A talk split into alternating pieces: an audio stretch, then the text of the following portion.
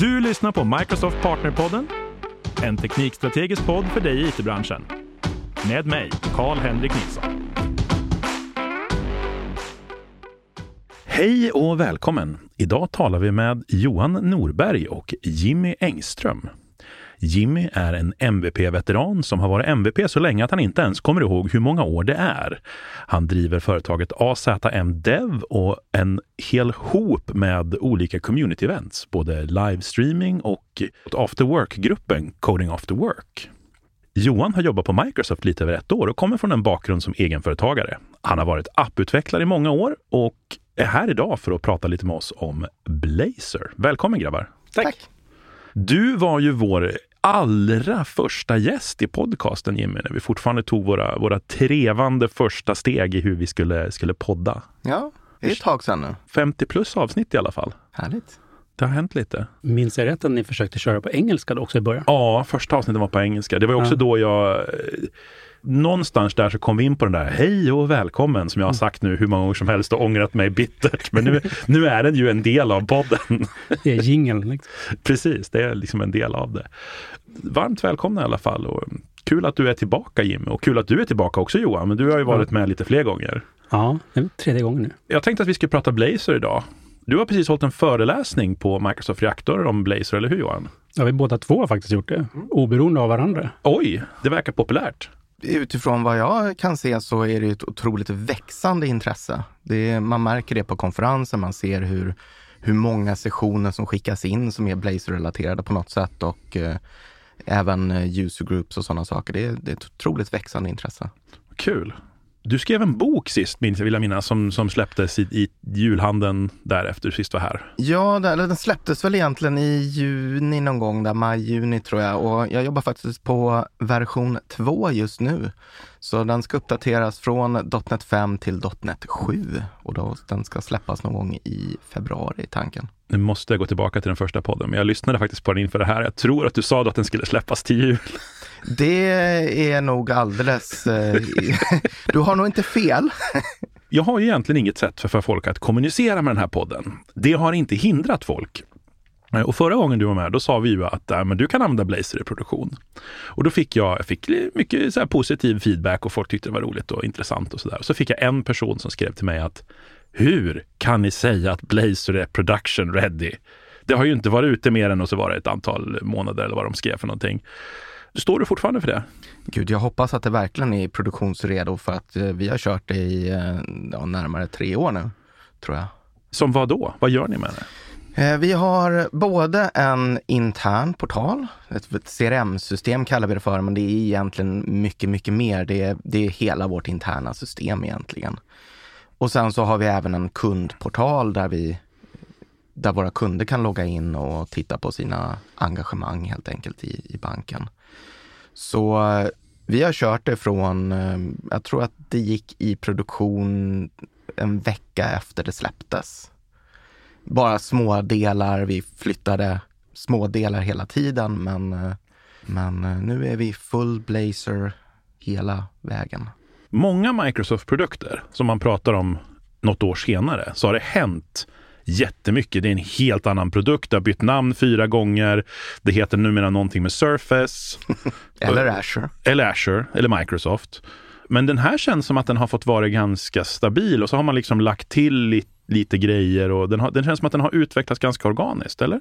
Jag tror att den var ganska bra från version 1 också. Man har, jag tror man tittar ganska mycket på andra frontend-ramverk och sett, kollat på så, okay, vad, vad behöver man, vad är riktigt bra? Och så har man gjort det fast med C-sharp och ASP.NET-metoder. Liksom. De står liksom på grunden av andra riktigt framgångsrika frontend-ramverk. Du jobbar ju också precis som mig i partnernätverket Johan. Mm. Och jag upplever ju att folk är ganska förvirrade över det där. Ja. Ska vi köra MVC? Ska vi köra Razer Pages? Borde vi titta på React? Borde vi titta på Next.js? Borde vi köra Blazor? Borde vi köra... Borde vi sluta med Webforms? Det är mycket frågor och funderingar. Vad tänker ni där? Jag, ja, men jag tycker att det beror väldigt mycket på vad du ska bygga. Skulle jag bygga en, en, liksom en klassisk sajt som där SEO är det viktigaste av allt och, och liksom snabba första laddningstider där du får bra som Web Vitals med First Paint och så vidare, då kanske jag inte skulle göra det. Men skulle jag bygga en, som du var inne på, en mer liksom en applikation, då skulle jag ju 100% kunna tänka mig att köra Blazor precis lika gärna som om jag hade valt React som jag har jobbat supermycket med. Jag, jag älskar ju C-sharp, så what's not to like? Ja, men precis. För jag känner lite grann att det är väldigt mycket hänger ju på vilken kompetens man har i sin grupp. Mm. Vi är 90 personer, alla kan JavaScript. Mm. Ja, men kanske inte börja med Blazor. Men är det tvärtom, att man är 90 personer som kommer från en C-sharp-grupp? För min del så blev det lite så här, jag var tvungen att lära mig React, för det fanns inget bra alternativ. Och i början så var det ju verkligen med JavaScript. Det tog en liten stund innan det blev stöd för TypeScript och det var Mm. enkelt. Och då, så här, jag, älskar React nu. Men hade Blazor funnits när jag började ta mig an React och React Native, då hade jag ju 100% valt Blazor istället. Eftersom jag kan C-sharp utan innan och har kört det sedan version 0,9 liksom. Jag kan verkligen hålla med om, om eh, den problematiken som du beskriver. Just det här att jag vill bygga någonting som är interaktivt, som kan få samma upplevelse som man kan få med de här JavaScript-ramverken. Men för mig så är det är inte bara, painpointen är inte bara JavaScript eller TypeScript, utan det är, det är NPM, det är Webpack, det är Bower, kan inte ens namnet på allting. Liksom. Det, det blir så otroligt mycket kunskap som jag måste lägga på ytterligare ovanpå det här. Det problemet som jag tror Microsoft har, det är ju att Blazor är inte ett ramverk i sig, utan en del av ASP.NET. Så när folk sätter sig ner och så ska, ah, okej, nu ska vi bygga någonting, nu ska vi bygga en interaktiv webbplats. Hur gör vi det? Vi har en ASP.NET backend och sen ska vi ha ett ramverk ovanpå det och så börjar man leta någon annanstans nästan direkt. För att det är så man har gjort klassiskt sett. Jag hade till exempel en, en diskussion med en eh, skola som eh, lär ut eh, C-sharp. Och så frågade jag, men skulle det vara intressant att jag lär ut Blazor på skolan? Och de, nej, nej det, det är inte så intressant för att det är inte så- någon som frågar efter Blazor, utan de frågar, folk frågar efter Angular, React, Vue. Jag tror inte att folk kommer att fråga efter Blazor, för det de frågar efter är ASP.NET. Kan man ASP.NET? Som en .NET-utvecklare så tycker jag att Blazor är någonting som man definitivt ska utvärdera och titta på för att det är så pass redo idag. Ja, det är också intressant det där för att du säger att man tittar någon annanstans efter webbramverk och sådana saker. Det här är ju långt ifrån det första webbramverket som ASP.NET har haft. Absolut. Där vi har ju MVC, Razor Pages, du kan bygga single page applications, du kan göra i massor med olika typer av webbapplikationssaker i ASP.NET. Så varför tittar man ändå åt ett annat håll? Gammal vana skulle jag säga.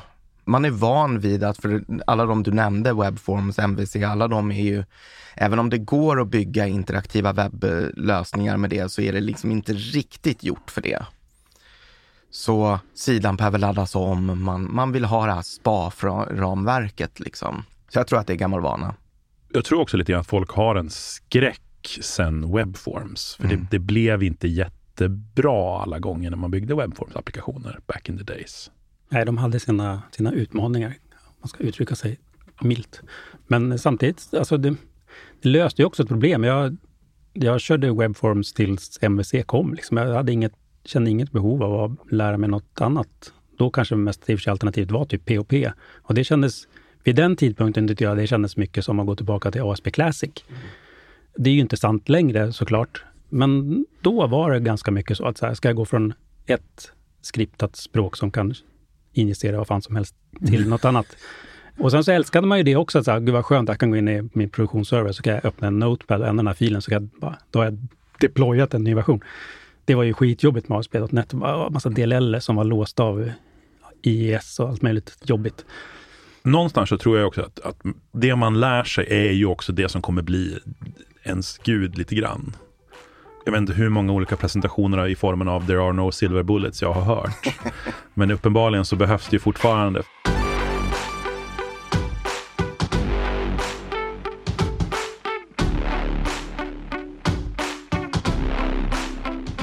Men du hade ju någon historia, var det inte någon som hade, hade hört av sig till dig om, om Blazor? Jo, jag fick en eh, friend request på Facebook och um, eftersom att jag är ute och föreläser mycket så är det säkert, den här personen har jag säkert träffat, så jag accepterade. han gick ut ganska hårt på en Okej. gång och liksom, ja, men vad, du håller på med Blazer va? Ja, jo, ja, men det gör jag. Ja, kommer aldrig att slå det där. Nej, det här var ju ändå ganska tidigt i Blazer-eran. Liksom. Det här var, vad har du för information som inte jag har? Nej, det, det, jag håller på med React och, och um, Blazer kommer liksom aldrig ta över. Så jag eh, funderade lite grann och så svarade jag bara att eh, jag tror inte att det är det som är poängen. Poängen är att, att jag som C-sharp-utvecklare ska kunna använda mina C-sharp-kunskaper för att skapa interaktiva webbplatser. Har man JavaScript eller TypeScript-kunskaper, då finns det egentligen ingen anledning att byta annat än kan man C-sharp så slipper man ju byta språk. Och det tycker jag är väldigt värdefullt. Att man faktiskt kan behålla och vara i C-sharp-världen både fronten och backen. Mm. Det man också ska komma ihåg med Blazor, vilket oftast glöms bort när man pratar på, på konferenser och, och jag har läst mycket böcker och sådana här saker också, att när man pratar om Blazor så pratar man om WebAssembly. Mm. WebAssembly är bara ett sätt att köra Blazor. Man kan ju också använda Blazor Server. Och vi spelade faktiskt in eh, en podcast tillsammans med Steve Sanderson, han som har skapat Blazor. Och jag passade på att fråga honom, så här, vad, är, vad använder folk? För jag ser när jag pratar med folk att folk använder server, Blazor Server, till störst del. Vad använder folk? Vad ser du för trender? Och han såg exakt samma trender. Jag pratade med, eh, vi har Progress Telleric som sponsorer för Calling After Work, så jag frågade dem, hur, vad, vad ser ni för trender? Ni har ju ändå liksom, ni har komponenter. Hur använder folk de här? Och de såg samma trend. Blazor Server är utan tvekan det man använder mest. Men då ska man också komma ihåg att Blazor Server har, har ett år extra i tid eller något sånt där. Så att Blazor WebAssembly är på väg uppåt nu, men server är det som är störst. Mm. Baserat på om, man, den. om man sett några anledningar till varför. Jag kan ju direkt komma på två som jag tänker på. Det ena är att WebAssembly får som minimum nu är det väl typ 1,1 megabyte nedladdning, alltså man faktiskt behöver ladda ner runtimen. Liksom. Mm. Men också att om man är van vid ASP.NET så är det mycket enklare att hantera typ secrets, databaser, Mm. allting sånt, eftersom det fortfarande då körs på serversidan, inte på klientsidan, att du behöver prata HTTP eller eh, RPC eller något liknande. Ja, jag tror att du slår huvudet på spiken, säger man så. Eh, dels så tror jag att det handlar om att, att server var först. Mm. Sen så tror jag att nedladdningsproblematiken är någonting som har fått väldigt mycket skit just för att, åh, en megabyte att ladda ner, oh, Mm. jättemycket. Då ska man komma ihåg att Facebook har ungefär 20 megabyte JavaScript som den laddar ner. Mm. Så det är inte så mycket Nej, och det är bara egentligen. första gången. Sen ligger ju den liksom cashad för alltid, typ tills det kommer en ny version av eh, system.web.dll. Ja. Liksom. Det är inte så ofta det sker. Men det där är också en grej dock, om vi pratar ändå så här lite olika rendering och såna här saker. För det är ju väldigt populärt med statiska webbsites idag. Mm.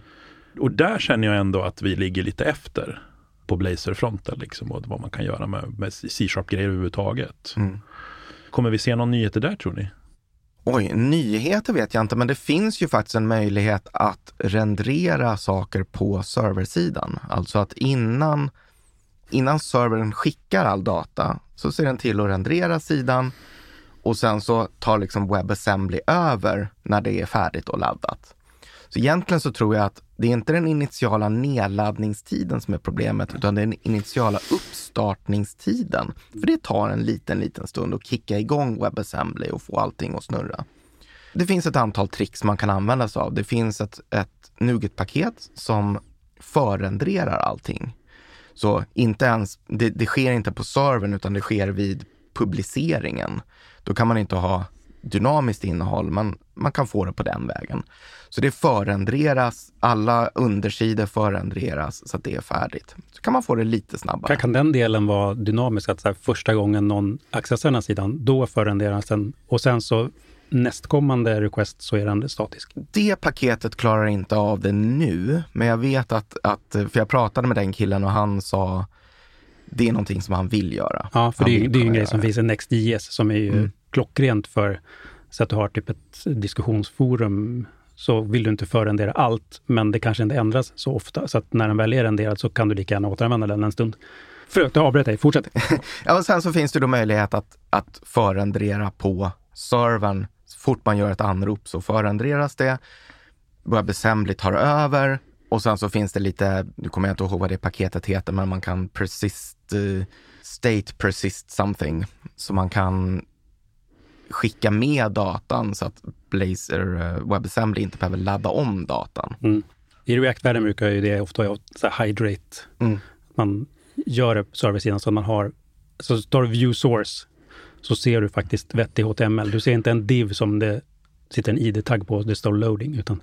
Men tror ni att det här också kan vara en av anledningarna till att folk har haft lite funderingar kring de här typerna av... Jag tror att om man går till någonting helt nytt, som att om man bara har hållit på med ASP.NET till exempel och så går man till React, då plockar man upp de här koncepten som vi pratar om nu. För att de här koncepten skulle jag säga att är ingenting du lär dig i som, genom att vara ASP.NET-utvecklare i 20 år. Liksom. Utan det här är ju nya koncept som du måste plocka upp. Mm. Så det kan ju finnas ett värde där, tänker jag, i att man, att man faktiskt tar ett steg ut ifrån sin, sitt lilla ekosystem, eller sitt ganska stora ekosystem får vi väl nästan säga idag, och lär sig de här sakerna. Men jag tycker det där, de här problemen har ju funnits med React och Angular också, fast liksom om med ASP.NET så, så börjar problemet på serversidan och sen så blir problemet på klientsidan. Med React och Angular så har det varit så att det har börjat på klientsidan för att då har du ju behövt vänta på att JavaScript har laddats där också, så ska den börja rendera saker. Så du får liksom en blank sida inledningsvis. Det är ju lite därför NextJS föddes till att börja med. Liksom. Mm. Att du kan serverrendera och sen tar React över på klientsidan. Visst är liksom Blazor runtimet, eller kanske snarare .NET WebAssembly runtimet större än vad React.js är. Första liksom, JavaScripten. Men de har ju fortfarande precis samma problem egentligen.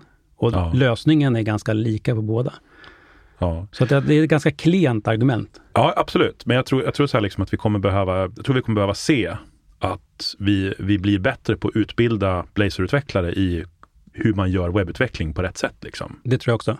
Och där kanske också en så lite småfilosofisk fråga. Är backend-utvecklare bra och lämpliga för att göra frontend-utveckling? Får man vara så? Alltså, jag, jag, skulle egentligen vilja, nu, nu glider vi från ämnet känner jag lite men, men jag skulle vilja pensionera det där uttrycket backend-utvecklare. Att allt är, allt är full stack? Jag hatar ju fullstack-uttrycket också. jag vet. det är därför ja, men, det är så roligt. Så här, ja, precis. Men alltså, jag tycker så här, en programmerare för mig är en person som löser problem med kod. Mm. Sen så finns det människor som är bättre på att lösa problemet med domänlogik till exempel, eller att göra, göra snygga webbsidor och så vidare. Men de flesta människor kan ju, givet tillräckligt med tid, få till en webbsida som inte har gul bakgrund och röd text. Liksom. Mm. Men jag tror att vi behöver också vara ganska ärliga mot oss själva med att visa att men de, det här är koncept, som precis som att man måste förstå olika typer av algoritmer och patterns när man bygger backend-utveckling, så måste man förstå olika typer av patterns och, och tekniker Mm. när, man, när man jobbar med webbfronten, även när man håller på med Blazor. Så är det absolut. Det är liksom inget magiskt sätt att ta sig runt behovet av kunskap. Nej. Tyvärr. Jag bara, bara poppa upp en liten parallell i mitt huvud att när Async Await kom så upplevde jag att det var väldigt många som blev oerhört förvirrade av det. Och när Ajax kom till webben, då var det så här, va, vadå, ska jag behöva vänta på att någonting händer? Kan jag inte bara fortsätta köra liksom nästa rad och då har jag förväntat mig att resultatet finns där och har låst main-threaden i browsern. Så, så att allt nytt kommer ju med krav på ny kunskap. För att hoppa tillbaka lite till ämnet, Blazor. Det har ju faktiskt kommit en nyhet som jag tänkte vi skulle kunna prata lite om och det är ju Custom Elements. Mm. Vad ska det vara bra för? Vi hade ju så många bra element som jag hade lärt mig.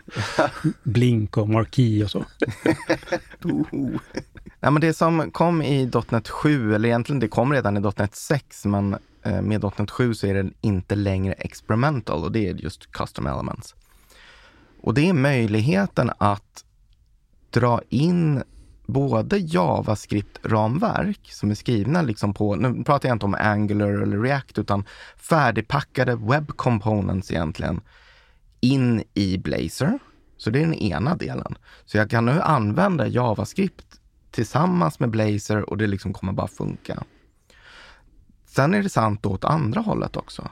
Så att jag kan skapa med Blazor göra några få rader i min program CS, säga att jag vill exponera ut den här Blazor-komponenten med den här typen av tagg. Och sen kan jag i mina JavaScript-ramverk använda de taggarna och få ut Blazor-komponenter i, i Angular eller React. Vilket är vansinnigt häftigt. Mm. Ja, men du har en C-sharp-utvecklare som, som kan Blazor. Han kan bygga liksom sin komponent i en, en, en existerande webb. Liksom. Det är mm, ja. ganska coolt. Och det är ju också ett bra sätt om man vill ta sig an Blazor men inte kan bygga om hela applikationen i ett svep så kan man ju ta det liksom steg för steg. Jag tänker också att det är ett jättekul sätt att, att irritera de som bygger dina CI-CD-flöden. Det, det är också ett jättebra sätt att kunna få irritera sig på både att man ska ladda ner en Blazor Runtime och ett React Runtime. Men man inte behöver välja vilken pain man vill ha, liksom kan man ta båda istället. Ja. Om man lyssnar på det här nu då så tänker man så här, okej, okay, men jag, ju, jag började ju med Blazor lite grann när jag lyssnade på förra podden. För så tänker jag att jag påverkar människors liv så att man, till vad de ska lära sig. Men om man, om man har ändå börjat lära sig lite Blazor och så tänker man, men shit, jag kan ju inte så mycket om webben faktiskt. Det, det kanske är det som skulle göra att jag tog nästa steg i, mitt, i min utvecklarresa. Var, var, vart går man för att mer var går man för att lära sig webbutveckling snarare än att lära sig ett speciellt ramverk? Oj, vad svårt. Ja, det var en svår fråga. Det jag brukar försöka göra är att titta på HTML. Det betyder egentligen att, att vi ska på något sätt markera upp innehållet på ett sätt som man kan förstå innehållet. Det är ju det språket betyder. Tittar man då på närmsta Google-sökning så är det bara divar folk använder för det mesta. Så jag brukar alltid försöka backa tillbaka lite grann och så vad är det för information jag försöker, försöker förmedla? Är det här en label? Är det en H-tagg? Är det eh, sektion, aside? Det finns väldigt mycket i HTML5 som definitivt inte är nytt vid det här laget, men fundera på vad är informationen för någonting? Hur kan vi markera upp informationen? Hamnar man i situationen om man börjar använda divar, då brukar jag stanna upp lite grann och fundera, men finns det något annat sätt jag kan markera upp informationen? Det var ganska roligt när det var en trend att det var, man absolut inte fick använda HTML-tabeller för layout. Man börjar genast se liksom trenden med att använda divar mm. för att bygga en tabell som verkligen bara presenterade tabelldata. så allting går till överdrift. Men jag håller med. Men jag kommer att tänka på din, jag börjar fundera mer på så här, var hittar man information? Det här får man väl inte säga högt på en Microsoft-podd, men Google har ju väldigt bra information, alltså utvecklarinformation om även sådana här grundläggande ämnen. Och sen så även Mozilla Developer Network har ju jättebra liksom, referensmaterial för allt möjligt. Så där hamnar jag ofta när jag behöver leta efter någonting själv. Men, men jag håller helt med dig, att förstå semantiken och ge innehållet en, liksom en strukturell mening. Så att det här är en rubrik, det här är en... Alltså för att man inte bara säger vad, vad det står i texten, utan man beskriver vad texten försöker förmedla. Jag känner lite grann att det ni beskriver båda två egentligen, det är ju det här uh, traditionella som jag tror jag har försökt lära ut till juniorutvecklare för tio år sedan. Var inte nöjd med ditt första försök. Nej. Utan, utan det är okej att refaktorisera. Ta ett steg, okej okay, nu ser det rätt ut, men är mm. det rätt? Mm. Så här, ta ett steg tillbaka, tänk efter. Det, det tycker jag var en väldigt, det, det borde man nästan ha på en tröja. Var okay. inte nöjd med ditt första försök. Ja, men så, så är det väl alltid när man programmerar. Så här, först får man det att funka. Ja. Sen så ska man få det att bli bra. Jag tror att det var på Svetug faktiskt för några år sedan som jag satt och pratade med någon engelsk talare som pratade om att man kan inte tänka både kreativt och restrukturera kod samtidigt. Så han skrev alltid kod, bara som, gjorde, som löste problemet. Mm. Och sen så bara så gick han och tog en kopp kaffe och så vet det, och sen gick han och refaktoriserade och då hade han ju naturligtvis skrivit lite test kanske, sådär, ganska enkla test för att kunna refaktorisera dem. Men, men just då hade han skrivit så här kreativ skräpkod som löste problemet. Och sen gick han tillbaka och bara, åh, vad är det här för någonting? Nu ska jag vara lite administrativ och fixa det här. Men alltså det är helt olika mindset. Och det där har jag applicerat sen jag pratade med honom och det är så skönt. För man kan skriva riktigt dålig kod, mm. alltså ful kod då, om man ska säga, som bara löser problemet och så bara, men nu har jag löst problemet, nu förstår jag mitt problem space. Och nu kan jag gå och göra. Och jag tror ja, men... verkligen att jag jag hanterar webben på samma sätt. Ja, det är ju, jag tycker ju ofta det är så att man, man behöver bli klar för att förstå vad det är man borde ha gjort. alltså det, det är först då liksom man ser helheten och så, ja, det är det här jag behöver och de där delarna har jag upprepat 15 gånger. Det kanske inte var optimalt. Ja. Hörni, jag ser att tiden springer iväg för oss. Det har varit jättekul att ha er med och vi, eh, vi försöker väl att, att hitta lite länkar här. Bland annat, du pratade om de här Nuget-paketen som Mm. kan vara bra att kunna och Det finns bra learning paths på Vi- eh, Microsoft Learn. det ska vi lägga med. Det kan du, om du, om du får, när får du klart din bok? Ska vi, vi fortsätta på den? När Absolut. Februari är planen just nu. Två veckor, som Inte en till känd jul. entreprenör brukar säga. Ja, precis. Hörni, jättetack för att ni kom hit. Tack själv. för att vi kom- fick komma. Du har lyssnat på Microsoft Partnerpodden med mig, Karl-Henrik Nilsson. Som vanligt hittar du information och resurser på aka.ms partnerpodden.